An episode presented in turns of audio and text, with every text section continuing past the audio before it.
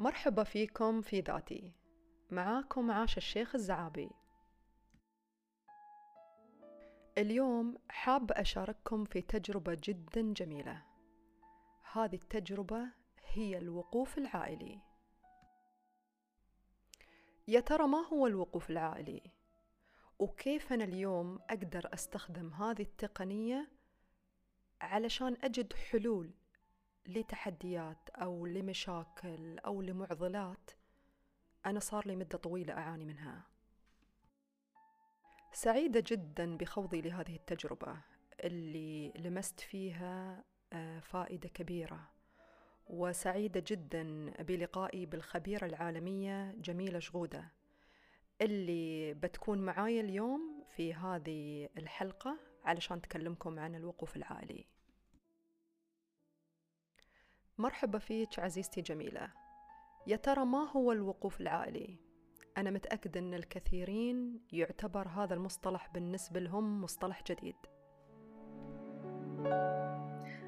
مرحبا فيكم ومرحبا في كل واحد بسمعني آه، في العالم العربي.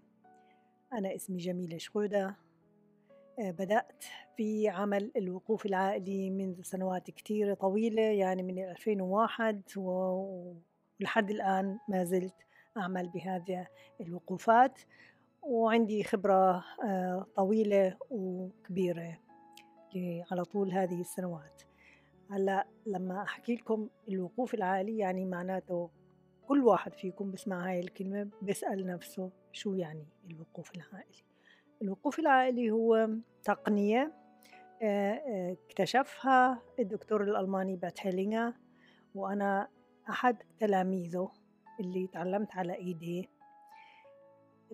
للوقوف العائلي طبعا في اللغة الألمانية بسموها Familienstellen Familienaufstellung وباللغة الإنجليزية بيحكوا لها بسموها family constellation هلأ من وين اجى اسم الوقوف العائلي؟ هذا الاسم أنا ابتدعته ووضعته باللغة العربية لأنه ما في كلمة مرادفة آه، بلغتنا العربية. لذلك اضطريت إني أبتدع هذه المصطلح وهلأ صار كل آه، اللي في الدول العربية بشكل عام صار هذا الاسم معروف وموثق. شو معنى الوقوف العائلي؟ طبعا الوقوف العائلي هو آه، تقنية زي ما حكيت قبل شوي وهاي التقنية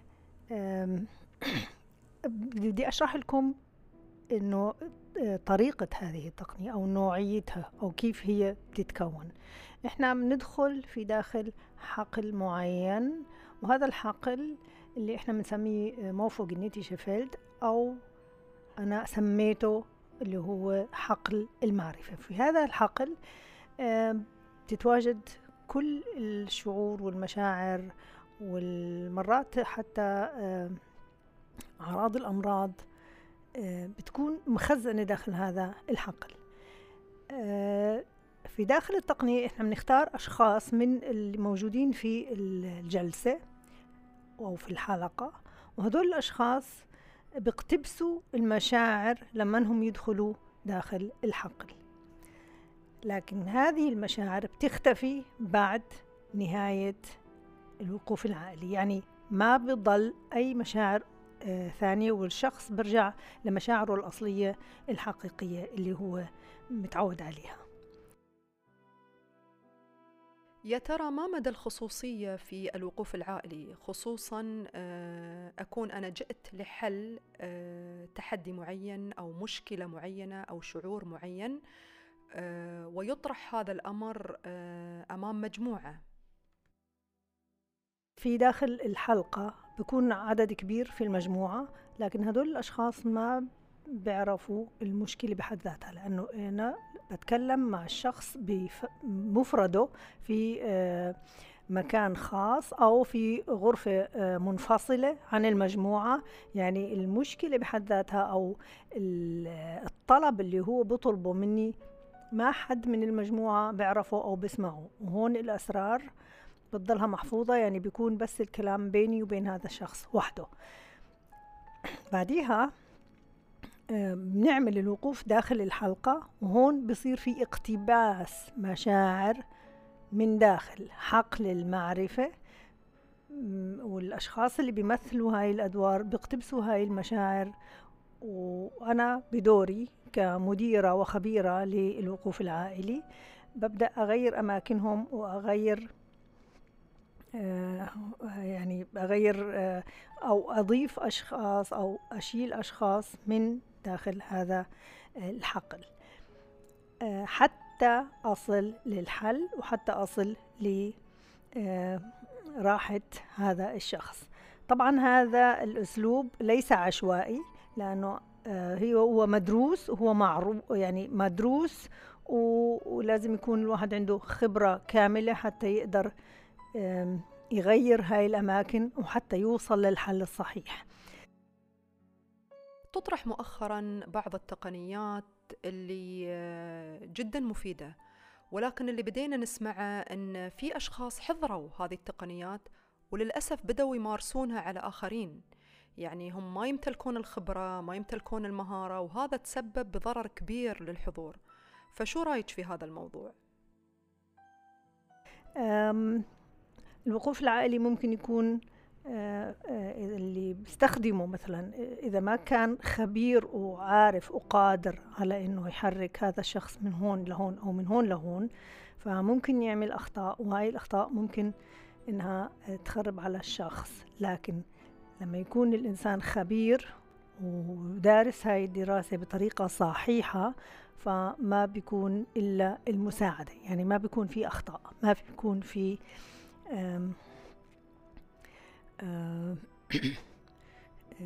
أخطاء إنها مثلا تخرب على هذا الشخص لذلك اللي بنصح أي شخص بحب يعمل وقوف عالي يروح عند فقط الخبيرين بذلك ومش عند أي شخص تاني عشوائي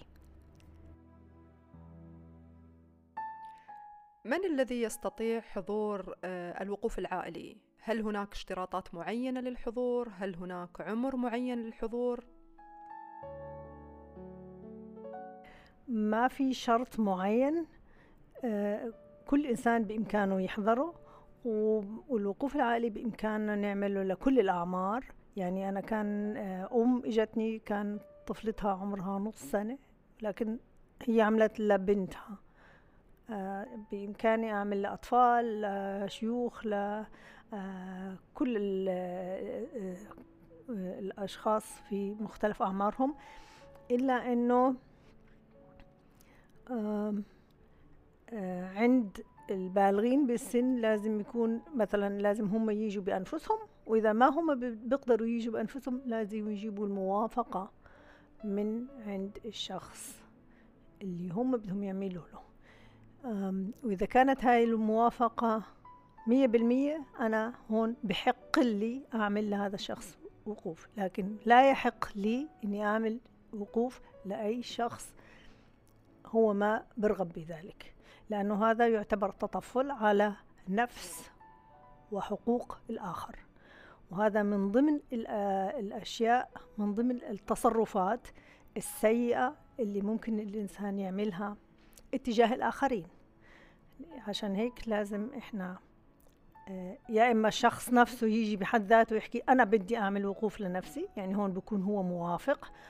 أو إذا مثلا بدهم يعملوه لشخص آخر هذا الشخص الآخر يعني بيكون غير قادر أو عاجز على إنه يحضر بذاته بنفسه بشخصه عشان هيك بحاجة لموافقته.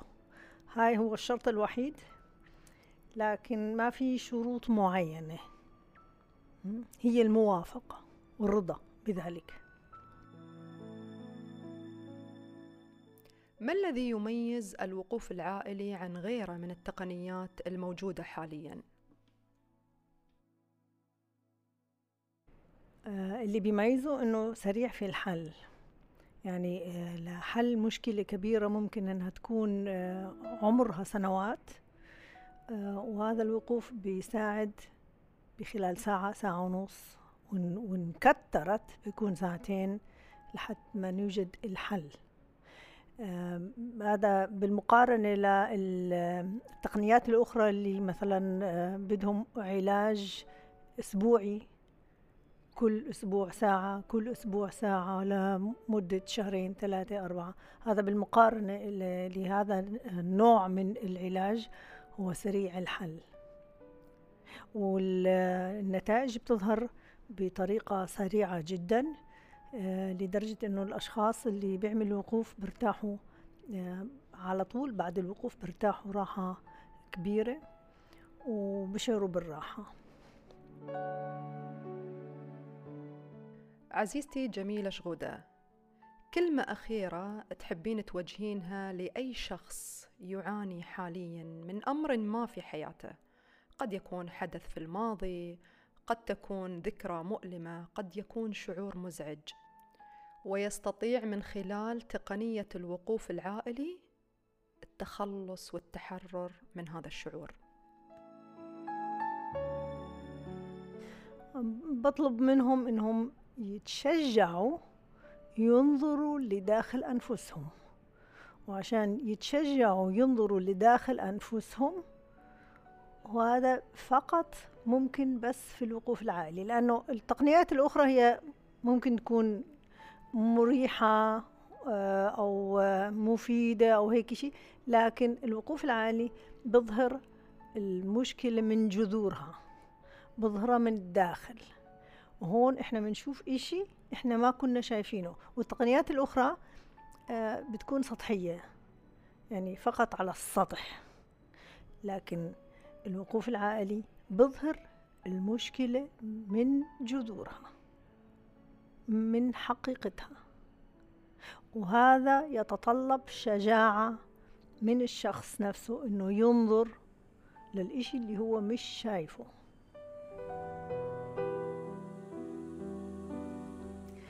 أنا بتمنى لكل إنسان تكون عنده هاي الشجاعة وإنه يحاولوا ينظروا لأنفسهم من الداخل مش فقط من الخارج. هذا اللي بتمناه للكل وبتمنى إنه الوقوف العائلي يوصل لجميع الدول العربية ولجميع الشعوب العربية.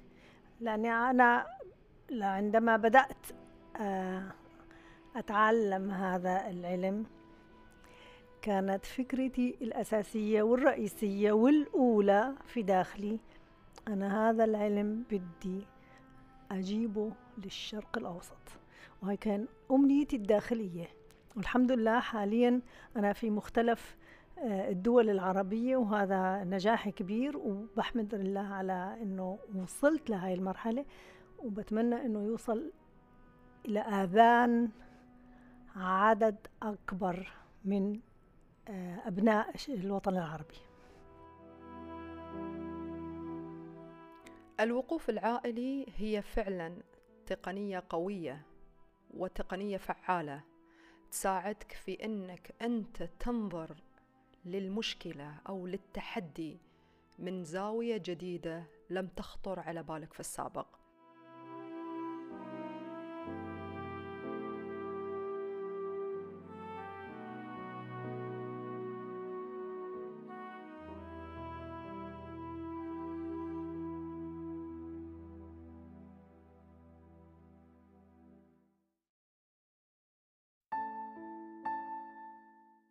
مرحبا فيكم في ذاتي. معاكم عاش الشيخ الزعابي. استمعنا في الحلقة اللي فاتت لموضوع الوقوف العائلي وكيف أن هذه التقنية قدرت تساعد وايدين في أنهم يحلون مشاكل يمكن عاشوا فيها لسنوات طويلة. والحين أدعوكم للاستماع لرأي بعض المشاركين اللي شاركوا في الوقوف بعضهم هذه مشاركته الأولى والبعض الآخر هذه مشاركته الخامسة أو السادسة. آه مرحبا أنا سمر آه عايشة بدبي من فلسطين. آه خضت تجربة الوقوف العائلي هاي للمرة الثالثة وشاركت أربع مرات كمان مع جميلة ونريمان بالوقوفات. بس أنا شخصيا عملت الوقوف لنفسي ثلاث مرات. الوقوف هو تجربة روحانية جدا عميقة. آه، تاخدك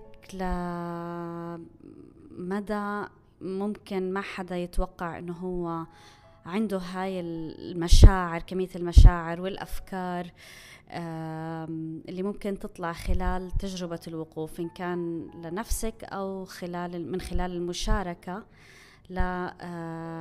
لوقوفات ناس تانية. آه، تجربة جدا جميلة.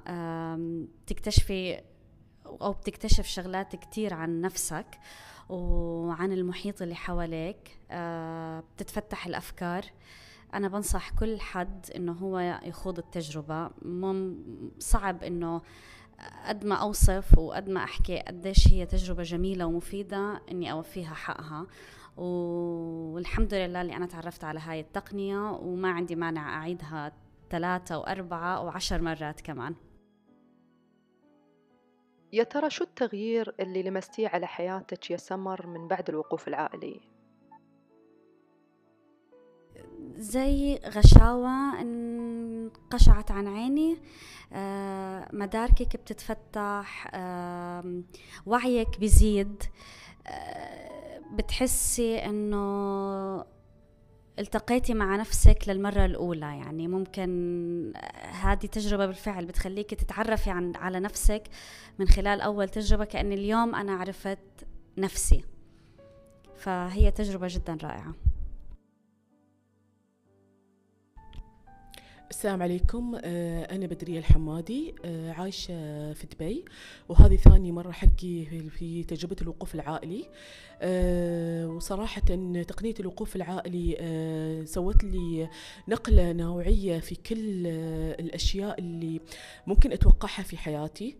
ومع إني أنا جربت وايد تقنيات من قبل بس هذه التقنية آه، عميقة جدا لدرجة إنه ممكن تنظم آه، مسارات كثيرة في حياتك مما يترتب عليه إن أنت تعيش حياة آه، اللي تستحقها في هاي الدنيا. بالنسبة لي آه، أنا أنصح كل إنسان يجرب الوقوف العائلي حتى لو ما كان عنده آه، خلفية كافية آه، في ما هيئته ما هيئة الوقوف العائلي.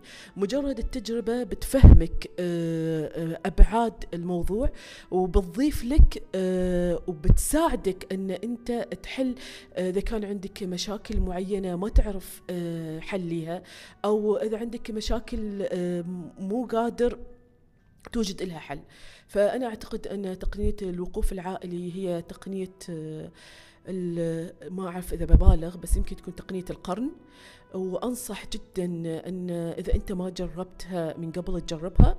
وحتى لو كنت جربت تقنيات ثانية لا يمنع أن تجرب الوقوف العائلي عشان it is totally different. بسم الله الرحمن الرحيم. خالد المزين من السعودية. أنا حضرت الوقوف العالي وهذا يعتبر ثاني حضور لي. فصراحة يعني تجربة جديدة واعتبرتها يعني من الأشياء الملهمة لي. لأنها صراحة حقيقة فعلا وقوف عالي لأنها بتحل كثير من المشاكل بطريقة يعني سهلة ولطيفة. أحيانا في تحصل بعض الدراما لكن فعلا يعني هو هذا الحقيقة. هذه حقيقتنا إحنا وحقيقة مشاعرنا. لما نكون في مكان وبيئة آمنة إنه الواحد يخرج كل ما في نفسه كل ما في مشاعره ويكون هو آمن ومطمئن. فسبحان الله كأنه العلاج بينزل إيه، إيه، علاج رباني. فكل أحد يعني حاب التقنية هذا حاب يتعرف عنها يدخل عن طريق حساب الدكتورة نريمان أسعد والدكتورة جميلة جميلة شرودر وأنا أوصي فيها لأنه فعلا في شيء كثير كثير ما قدرنا نحله TFT تأملات غيرها من التقنيات لكن الوقوف العائلي دعم هذه الحلول وبكلها يعني سبحان الله. حتى المجموعة اللي دائما تكون متواجدة كلهم يعني آه، فعلا تشعر بعلاقة طيبة وعلاقة عائلية وحميمية جدا بحيث إن الواحد إنه ياخذ راحته في التعبير عن كل مشاعره. شكرا لكم يومكم سعيد. آه، سارة الخنيزي آه، معاكم. آه، أنا من الناس اللي حبيت تقنية الوقوف العائلي وجربتها كذا مرة واستفدت كثير. طبعا الإنسان ما يعرف أحيانا نفسه ولا يعرف الأشياء اللي العقبات اللي موجودة في حياته.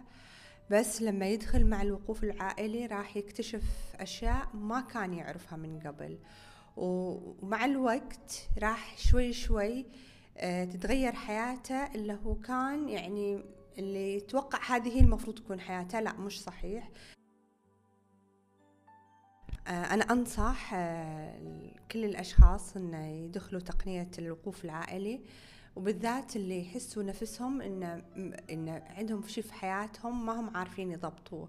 يعني مثلا إن شخص مو مرتاح ما هو حاس بالسلام ولا بالهدوء في عنده قلق عنده توتر في يكون إلى سبب بس هو ما يعرف السبب. الوقوف العائلي تقنية الوقوف العائلي راح شو تسوي؟ راح تكتشف السبب من الجذر وتحله وبعدين راح يشعر بالتوازن الداخلي بالهدوء بالإحساس بالتناغم مع نفسه وراح يشعر بمشاعر ما كان يعرفها من قبل. معكم رزاز مريت بتجربة جميلة. لبرنامج اسمه الوقوف.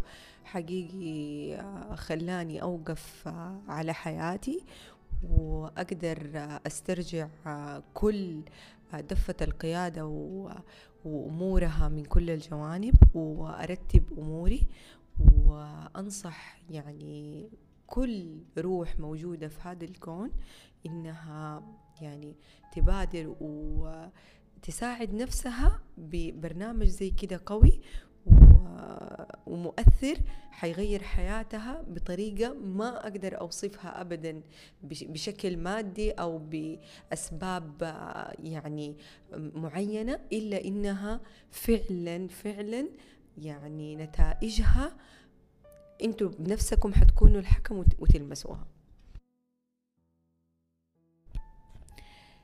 أنا لثاني مرة أخوض تجربة الوقوف العائلي في دبي. التجربة مختلفة بتاتا عن أي تجربة ثانية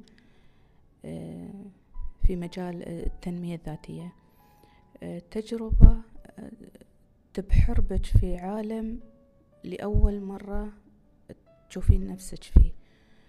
تدخلين في أعماق شخصيات قد تكون متداخلة معك في عمق تاريخك حتى احتمال أو قبل ولادتك أو قبل ولادة الشخص اللي جالس يسمعني حاليا متشابكة العلاقات متشابكة العداءات قد تكون متشابكة حتى الحب قد يكون متشابك ويأثر سلبا على حياتك الحالية.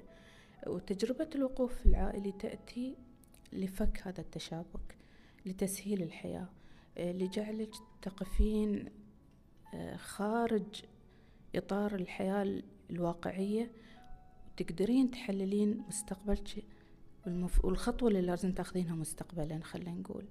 أه أه نريح الأرواح التعبانة في حياتنا. أه المشاكل اللي مزعجتنا الأخطاء اللي مأثرة على اتخاذي للخطوة القادمة. أحيانا أشياء نشوفها وأشياء ما نشوفها. فتجربة الوقوف العائلي تفتح لك المجال إنك أنت تشوفين هاي الأشياء المخفية الأشياء اللي متعبتنك أنت أحيانا تعرفينها واحيانا تتجاهلينها واحيانا تقولين يا ريت حد يوضح لي هل هذا الخلل ولا لا. فهني تضعين إيدك على الخلل. آه تجربة جميلة آه استثنائية.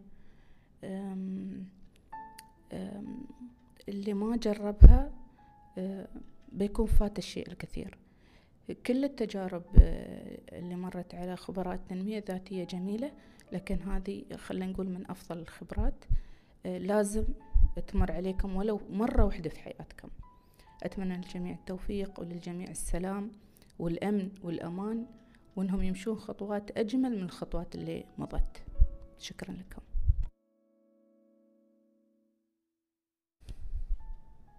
السلام عليكم. آه اسمي أفراح من السعودية الشرقية. آه حضرت الوقوف العائلي وكان هذا آه ثامن وقوف عائلي أنا عملته.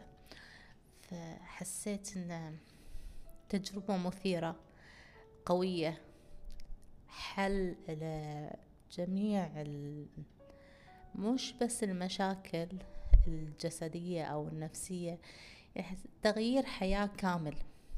لما نعمل الوقوف العائلي فهذا تغيير حياة كامل تغيير جذري.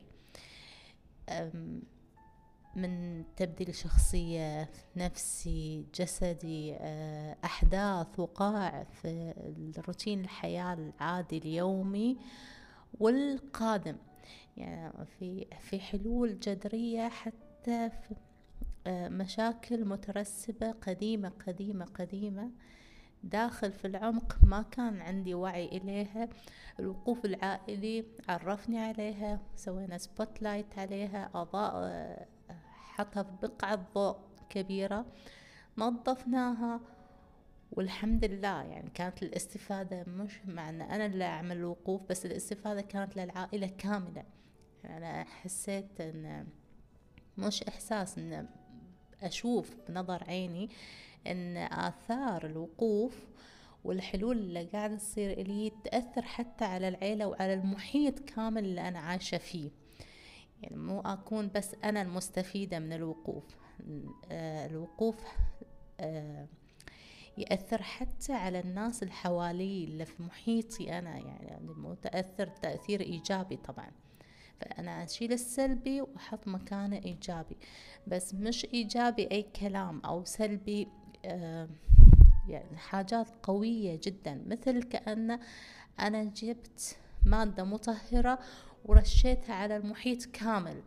قتلت فيها كل الجراثيم وكل البكتيريا اللي كانت محيطة فينا ودخلت مكانها حاجات جميلة زهور ورود رائحة عطرة. هذا تشبيه يعني أقل آه، ما يقال على الوقوف العائلي. وإن شاء الله إن شاء الله ما بيكون آخر وقوف. في بعد وقوفات إن شاء الله جاية. أنا الحين قاعدة طهرت حياتي فقاعدة أعبي حياتي بالحاجات الجميلة. شكرا لكم. معكم نريمان أسعد. أنا مسؤولة منظمة الوقوف العائلي في الوطن العربي. المسؤولة عن التنظيم والتنسيق والتطوير البرامج عشان التدريب الخاص بالوقوف العائلي وبرامج أخرى. أوكي بالنسبة للوقوف العائلي هو مسمى جديد دخل الوطن العربي. آه، هو أصلا ترجمة حرفية لكلمة إنجليزية اسمها Family Constellation. والتقنية أصلا البلد المنشأ تبعها هو ألمانيا. آه، اكتشفها المؤسس تبعها بات هيلينجر هو آه، يعني هو اكتشفها وطور هاي التقنية ووضع القواعد الأساسية لحل المشكلات والتطور من خلالها. طبعا لما نيجي نحكي عن الوقوف العائلي شو هو؟ هو طريقة عميقة ومباشرة لحل آه وإزاحة العقبات أو اللي إحنا بنسميها مشكلات أو للتطور من الجذور بطريقة مباشرة ومن خلال النظام. يعني الوقوف هو ما بيكون للشخص نفسه فقط ولكن الشخص ضمن النظام اللي بيكون فيه. النظام هذا شو هو؟ النظام هذا قد يكون العائلة قد يكون الجسم الصحة قد يكون العمل قد يكون آه، المرض قد يكون أي شيء ممكن يكون موجود في حياتنا. فهو عبارة عن سيستم أو نظام.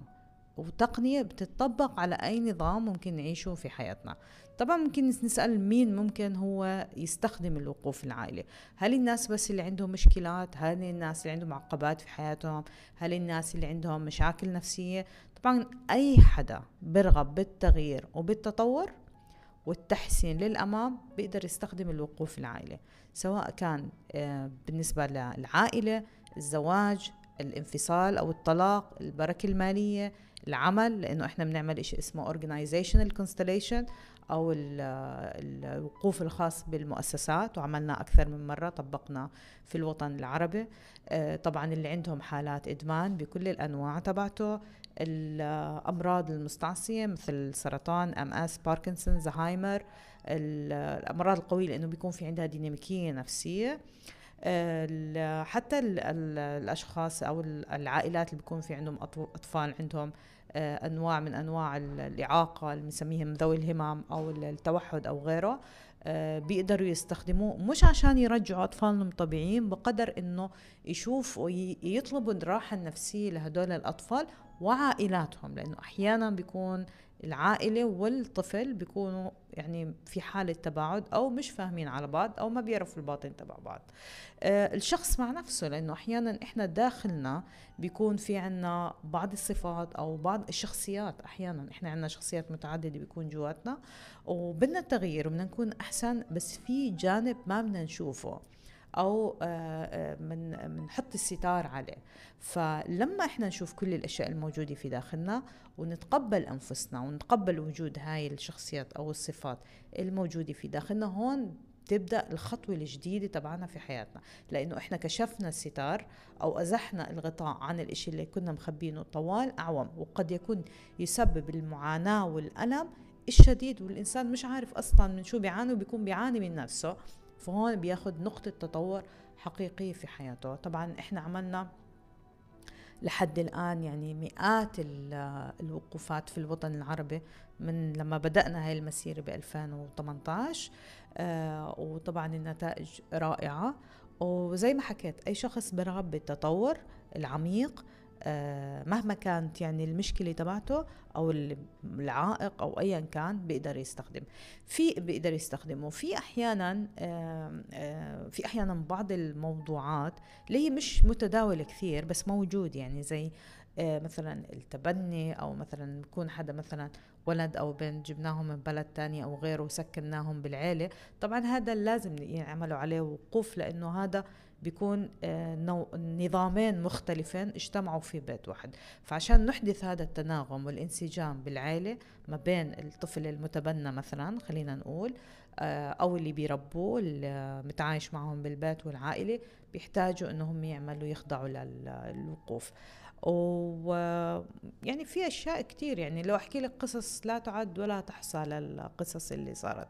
معنا وفي عنا قصص نجاح كتير يعني خاص في منها خاصة بالعلاقات الزوجية في شيء خاص بالأمراض في شيء خاص بكتير أشياء يعني. أي كلمة أنا بنصح الجميع على الأقل يجرب ولي ولو لمرة واحدة الوقوف في العائلة لأنه رح يكتشف أنه آه، أحيانا من آه، ناخذ سنوات طويلة وإحنا نبحث عن الحل وهو آه، بيكون قدامنا وبنقدر نشتغله مرة واحدة. يعني أحيانا في ناس بتعاني سنوات عديدة بخلص موضوعها في جلسة واحدة. وطبعا اللي أنا بدي أحكيه إنه إحنا لما نيجي نعمل الوقوف ما بنعمل بنجيب كل المشكلات تبعت حياتنا أو الأشياء اللي صارت معنا في حياتنا مرة واحدة. هذا بيصير بالتدرج يعني بالتدرج شوي شوي الموضوعات تنحل شوي شوي. وحتى بعد ما نحل أي موضوع الإنسان بيلزمه راحة بعدها. ليش؟ لأنه أحيانا النفس بتكون يعني شايل الإشي 20 سنة و30 و40 سنة و50 سنة. في عنا ناس عملوا وقوف معنا في ست عمرها يمكن أكثر من 70 سنة عملت معنا تخيلي 70 سنة شايل الشخص أمر أو موضوع في ديناميكية نفسية طوال حياته عايش فيها تخيلي هذا الموضوع قديش لما بده الواحد إنسان يتحرر منه أو يعيد أو يحله قديش بده وقت راحة بعدها؟ بده شهر بده شهرين ثلاث أشهر.